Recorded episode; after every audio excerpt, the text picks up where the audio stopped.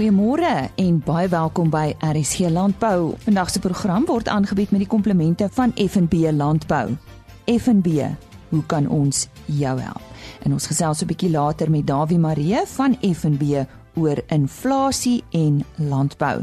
Dan het ons medewerker Karen Venter daar by die Frontier Bonsmara Boeredag in inloer en sy het met Andrew van Kerken gepraat oor opleiding wat hulle tans mee besig is vir opkomende boere. En ons gee ook raad oor lek aanvullings.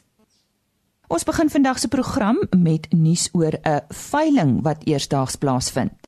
Ons uh, gesels nou met uh, Paul van die kerk uh, van Boshoek Bovelders. En ons gaan 'n bietjie met hom praat oor 'n veiling wat uh, eersdaags plaasvind.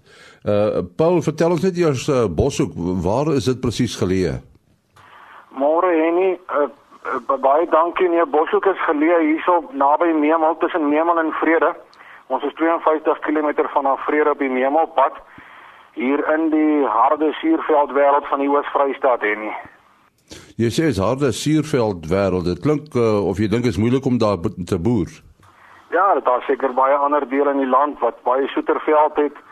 Meer op die hoë veld waar dit seker makliker is. Ons het maar duur winters, ons moet genoeg kos maak vir die winters, maar ons het baie baie goeie somersveld hier in die berge en dit is vir ons 'n groot voorreg om hier te boer. Ons boer lekker hierso. En die, en die bovelder die doen goed daar. Bovelder doen baie goed, baie goeie aan, goed aangepaste funksionele koeie wat elke jaar kalf en wat vir ons elke jaar 'n ordentlike goeie speenkalf wat swaar is gee wat ons baie opgewonde op, opgewonde maak en waarop ons baie trots is en nie. Nou kom ons praat oor die veiling. Wanneer vind dit plaas? Ons veiling vind plaas die 9 Augustus, nou uh, een van die dae. Uh, ons hou die veiling in samewerking met ehm uh, Marits Bovelders van Jaco Marits en dan het ons nog twee gasverkopers op Pieter Hoogenboesem van Vivo daar in Noord-Transvaal en Koenraad Fik boerdery van Reis wat ook 'n paar bulle bring en dit gaan hier op die plaas Boshoek plaasvind. Ons gaan 70 bulle goedgekeurde bulle deur die uh wat goedgekeur is deur die Bovelder beestudie groep aanbied en nog 100 vroulike diere wat bestaan uit dragtige verse en verse wat gereed gereed is vir die bal. Is dit die eerste maal dat jy 'n veiling op die plaas hou? Nee, dit is nie die eerste keer wat ons op die veiling op die plaas hou nie. Ons het hier aan die einde van die 80er jare, begin 90 jare ook bulle hier verkoop. En toe het ons bulle vir die res van die tyd elke jaar verkoop in samewerking met die Bovelders beestudie groep op hulle veiling in Horden en op Memel. Maar ons het besluit om terug te keer na die plase toe waar ons meer bulle aanbied en waar ons meer bulle kan beskikbaar stel in die mark vir kommersiële kopers en en dit maak dit net vir ons makliker en ons uh, sien uit vir 'n nuwe uitdaging dan kom die bovelders op die regte pad. 'n Telefoonnommer as mense vra het. As daar enige navrae is, kan hulle my kontak Pau van die kerk by 058 92 40755 of 082 577 6556 of hulle kan dokter Advojoen bel by 082 440 7823. Baie dankie Paul van die kerk daar van Boshoek Bovelders. Dankie Annie. Ons medewerker in die Oos-Kaap, Karen Venter, het op die 13de Julie by die Frontier Bonsmara Boeredag gaan inloer en vir ons hierdie bydrae saamgestel. Môre, ek is Andrew van Kerken. Ek ons is hier vandag by Winterkastel Bonsmaras op die plaas by die fase C toetsentrum hier naby Alexandria, die plaas van Brent McNamara. Ons het 'n uh, boeredag wat ons aanbied hierso vir opkomende boere. Hulle is van die hele area van Paddy om, omgewing en uh, ons hele doel van hierdie opleidingsdag is om die opkomende boere op te lei oor hoe om werklik prakties te boer. Ons het uh, vier modules wat ons aanbied. Hierdie vandag is ons derde module ons uh, as Frontierbonds Maras het gevoel ons wil ons kennis deel met opkomende boere en dat hulle nie van staatsinstansies afhanklik is nie maar dat ons uit die boeregemeenskap uit hulle kan ophef en hulle kan leer wat moet hulle doen met hulle diere.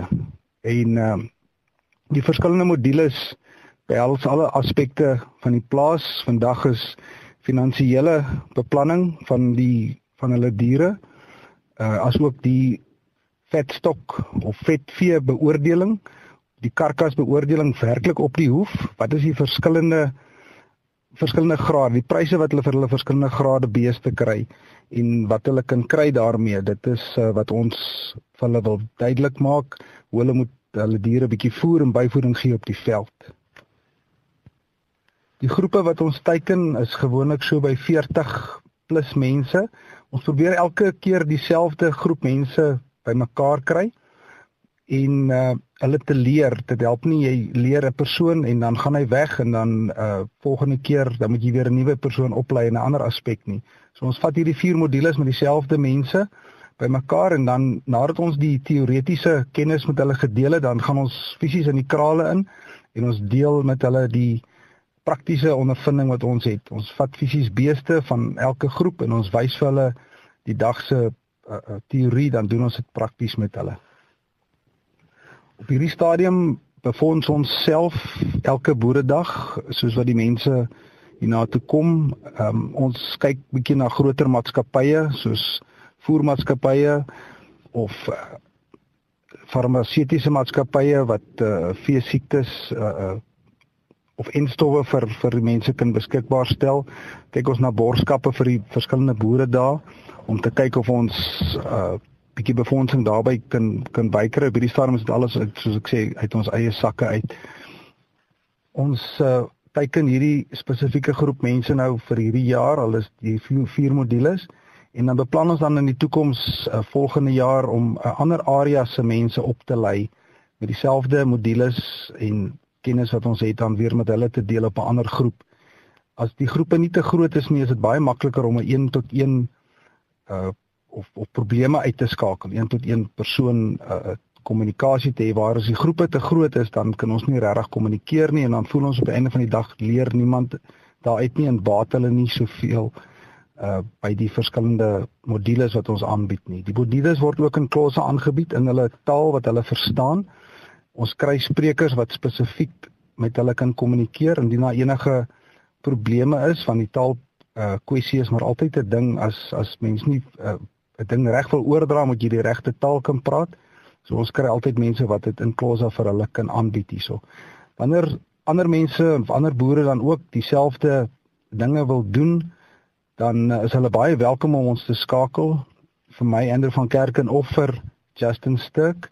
Ons sal aan die einde van die program die nommers vir julle gee en dan kan hulle ons skakel en, en, en uitvind hoe presies hulle dit te werk kan gaan. Ons het hierdie konsep uh, gesien by Sernikbos Maras, ons by Nik Serfontein gaan kuier en min of meer dieselfde konsep wil ons mense meer bemagtig in hierdie omgewing van die Oos-Kaap soos wat hulle dit in die Vrystaat ook gedoen het. My nommer van Ander van Kerken uh, 083 2322741 of jy kan ook vir Justin Sturk skakel uh, 082 6625901 Ons sê baie dankie aan Karen Venter, ons medewerker in die Oos-Kaap wat by die Frontier Bonsmara Boeredag vir ons hierdie bydrae gestuur het. Dit was dan die stem van Andrew van Kerken. Die finansiële term inflasie laat ons dikwels in 'n koue sweet uitslaan. Alles raak duurder, maar ons geld raak nie noodwendig meer nie. Dawie Marie, die hoof van inligting en bemarking by FNB Landbou, gee ons 'n bietjie perspektief. Dawie, Inflasie is 'n algemene term, maar min van ons besef werklik wat dit beteken.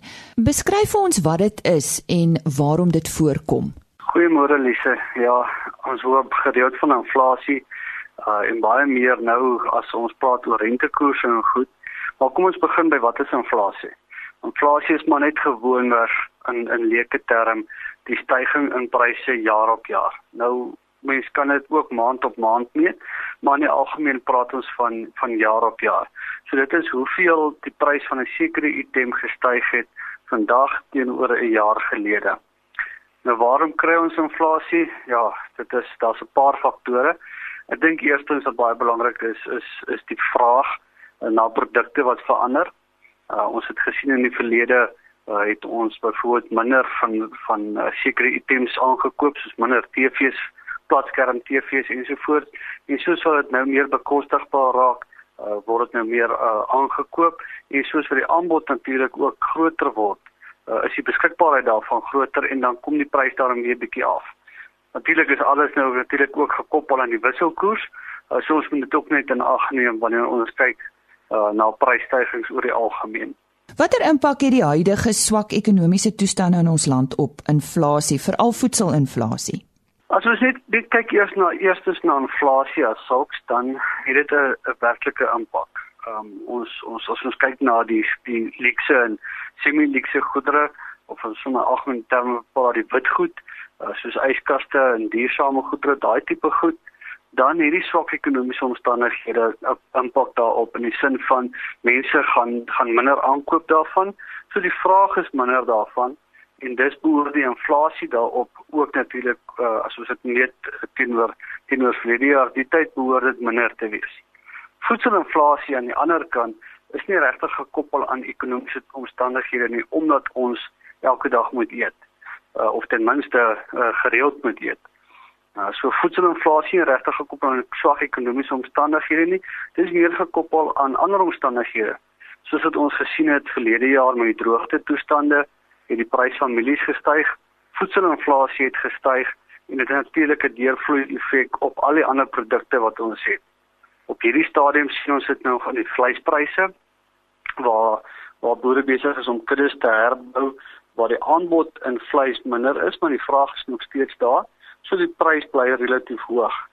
Graanpryse aan die ander kant uh het natuurlik afgekom as gevolg van die goeie oes wat ons het en daarom sien ons dat uh graan gekoppelde voedselinflasie is aansienlik laer as wat verlede jaar dieselfde tyd was.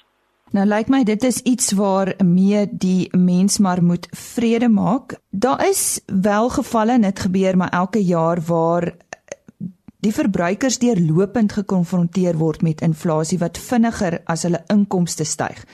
Hoe kan ek dit bestuur? Lisa, dit is nou ongelukkig een van daai realiteite dat my inflasie en jou inflasie verskil en dit verskil ook van die algemene inflasie wat deur die uh, statistiekdiens uh, bekend gemaak word. Ons moet in ag neem dat Stats SA uh, 'n mandjie van goedere meet as ons kyk na voedselinflasie spesifiek en algemene inflasie ook.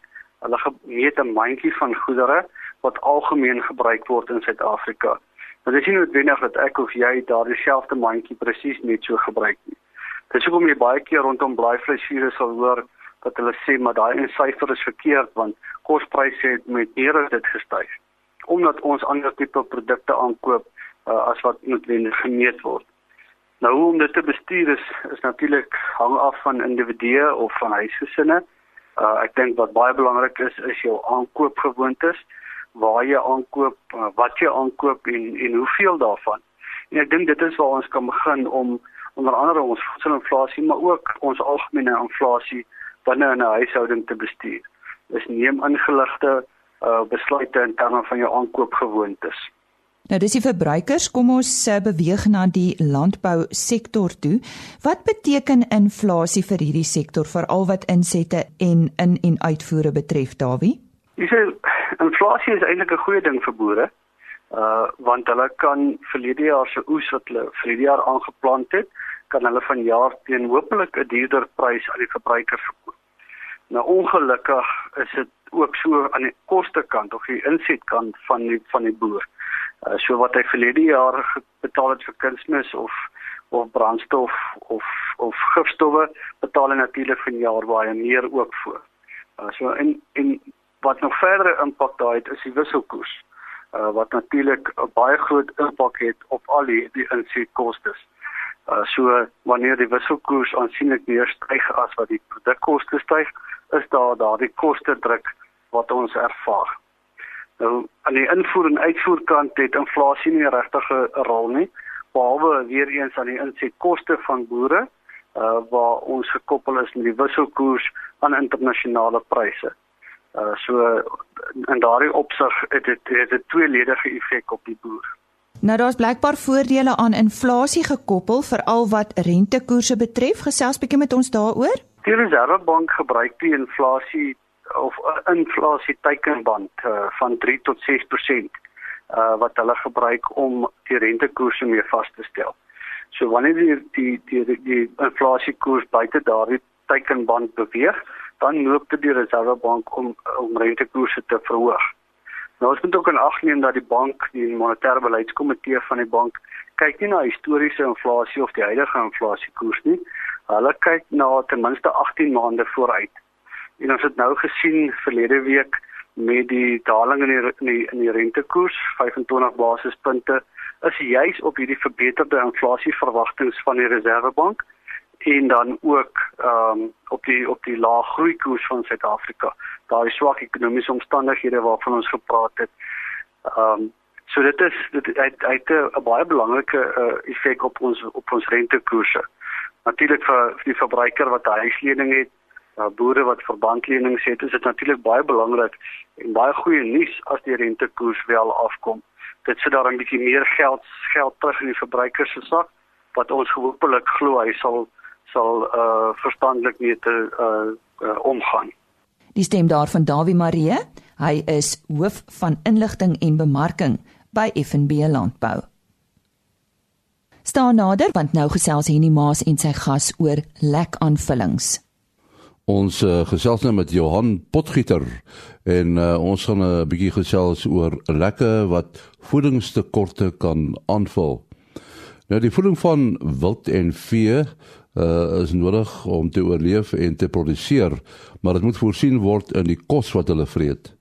As daar tekorte is in die kos wat hulle wat vir hulle beskikbaar is, moet dit aangevul word deur lekke. Ons praat met Johan Potgieter van uh, Optifeeds, hy is tegniese adviseur en ons gaan 'n bietjie meer uitvind by hom. Uh, nou Johan, diere het die vermoë om wy spesies met hoë voedingswaarde te selekteer. Uh watter faktore dink jy dra daartoe by dat diere se soeke na voedsame veiding beperk word? Nou, goeiemôre, Jenny. Die grootste faktor bly sekerlik die feit dat ons deur middel van wildsynings wildse natuurlike migrasie migrasie patrone beperk, né. Uh wild en intensiewe stelsels is al beperk tot net die gras en plantspesies wat in daai kamp voorkom waarin hulle hulle self bevind en is baie moeilik om wild te skuif. Uh weiding en plante gaan deur seisonale veranderings en sonder aanvullings ervaar die diere dikwels voedingstekorte sekere tye van die jaar. Tweedens, ons hou al hoe meer wild aan in gebiede waar hulle nie natuurlik voorkom nie. En en uh verder dikwels te veel diere in in klein areas op. En en hoekom is dit belangrik dat produsente grond en waterontledings moet doen?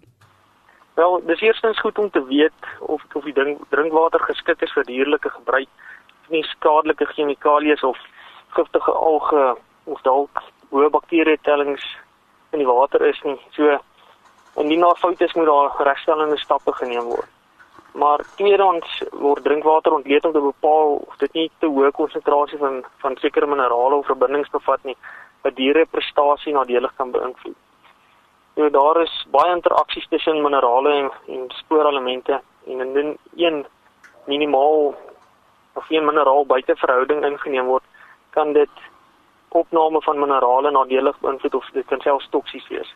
Byvoorbeeld te hoë inname van yster of swaal of kalsium vanuit die drinkwater kan sekere spoor spoorelemente korte veroorsaak en te hoë nitrate kan swak groei tot gevolg hê uh grondontledings aan die ander kant is is maar rigtingaanwyser wanneer ons probeer vasstel waar dalk 'n probleem in 'n sekere area is. Uh dis maar moeilik om deur middel van plant en blaarontledings akkuraat te bepaal of 'n dier voldoende mineraal minerale inneem. Selfs al lyk dit op papier so, dit is alles nie altyd 100% absorbeerbaar nie. So en dan sal nog antagonistiese interaksies tussen minerale So die raadste opsie is maar om om diere se mineraalstaat direk te bepaal. Ehm uh, so dit kan gedoen word deur na die konsentrasie van die minerale byvoorbeeld in die lewer of in die bloed te kyk. En uh, uh die die veiding van ekstensiewe boerdery, hoe dit hoe moet dit bestuur word? Nou, is natuurlik baie makliker in die geval van skape en beeste, jy weet, want kampe kan gerus word, diere kan geskei word en kampe kan ook makliker volgens die veldtipe verdeel en benut word. Dit word dit baie moeiliker. Maar die sleutelwoord is balans.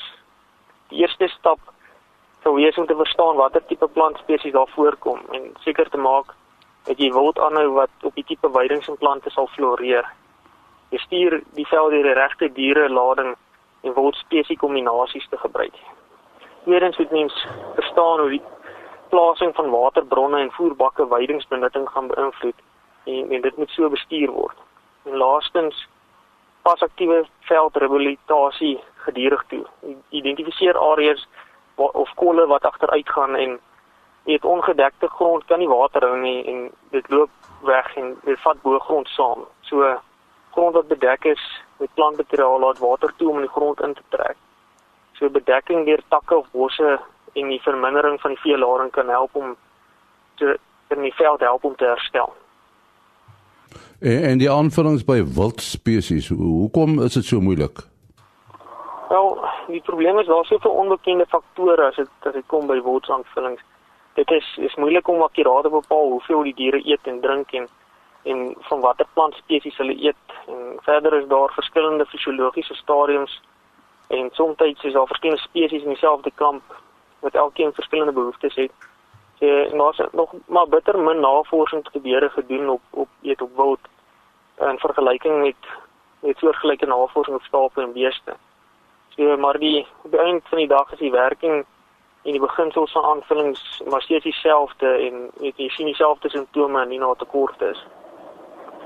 En uh Johan wanneer is dit dan nodig om met aanvullings te begin? Ja, vanuit 'n finansiële benadering, as jy begin so seker maar dat jy jy voel net aan wat ontbreek. Ehm um, onder normale omstandighede in die somerreënvalgebied sou mense fosfaat mineraal aanvulling in die somermaande voorsien wanneer die gras groen is en 'n proteïen aanvulling in die wintermaande op droë gras. Maar verkieslik begin mens voor die, voor die veld te veel agteruit gaan en diere reeds begin kondisie verloor het. So in die laat winter dit soms nodig om meer te gee wanneer die veldgehalte op sy swakste is. Indien daar fisies nie genoeg droommateriaal beskikbaar is nie om voldoende remonvoer te vol te verseker en dan dan dit nodig om refoer ook aan te vul. Ja, dit is nou so dat daar in die somermaande uh, fosfaat tekort is, nê, nee, en in die wintermaande proteïen, nê. Nee. Diereproduksie, jy weet, sê ehm um, om te groei of om gewig op te tel of melk te produseer, het 'n verhoogde fosfaatbehoefte. En weet fosfaat is 'n belangrike komponent van 'n weet van die energiedraer molekuul ATP en dit is nodig vir skeletontwikkeling vir melkproduksie.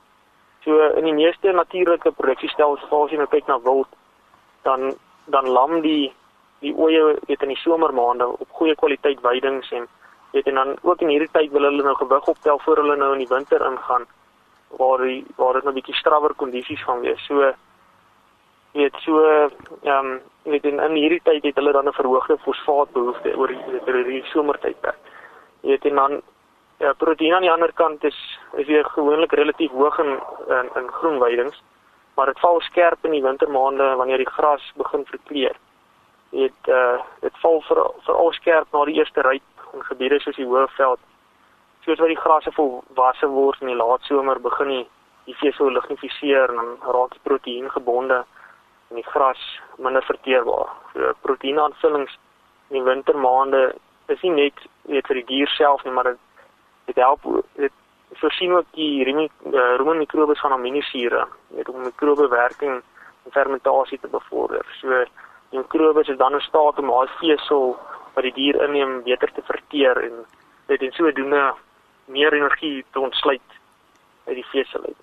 En uh die die aanvulling van spoorelemente, uh, hoekom is dit noodsaaklik? Ag, met wild is dit baie moeilik om presies te bepaal of daar byvoorbeeld uh, spoorelemente ontbreek of buite verhouding voorkom, so dit word soms te laat agtergekom. Dit is dus uh, beter maar om die, om die regte ontleding te doen en dan voorkomend op te tree. So spoorelemente is in baie klein hoeveelhede nodig, maar het baie belangrike funksies in die liggaam. 'n kopertekort kan byvoorbeeld lei tot diarree en 'n swak immuunstelsel, 'n ystertekort tot anemia en uh, seleniumtekort tot reproduksieprobleme en 'n swak immuunstelsel. Nou sê baie dankie aan uh, Johan Potgieter van Optifeeds. Het jy geweet vleishase se vleis word as die gesondste ter wêreld beskou? Volgens 'n studie deur die Amerikaanse Departement van Landbou, bevat konynvleis baie minder kalorieë as ander vleis. Dit bevat ook minder vet as ander vleissoorte en het die hoogste proteïeninhoud. Vleishase is die produktiefste soorte lewende hawe wat daar is. 'n Vleishaas wyfie van tussen 4 en 5 kg kan 'n verstommende 140 kg vleis per jaar produseer. Europa produseer sowat 75% van die wêreld se haasvleis, met China wat die tweede meeste produseer. Gewilde oorseese vleisrasse is die Nieu-Seelandse wit haas en die Kaliforniese haas. In Suid-Afrika is die SA Pendula gewild vir vleisproduksie. Die haas is spesiaal vir plaaslike omstandighede geteel en word as 'n landras beskou. Dis dan ons eh, RC landbouprogram vir vandag wat aangebied is met die komplemente van FNB Landbou. FNB, hoe kan ons jou help? Onthou môreoggend is dit weer vleispryse met Chris Derksen en ook weer waarhede met Johan van der Berg en Henny Maas. Moet dit nie misloop nie. Ons kuier graag saam met u. Dit is RC Landbou môreoggend om 05:30. Totsiens. RC Landbou is 'n produksie van Blast Publishing. Produksieregisseur Henny Maas. Aanbieding Lisa Roberts en 'n notas koördineerder Jolande Rooi.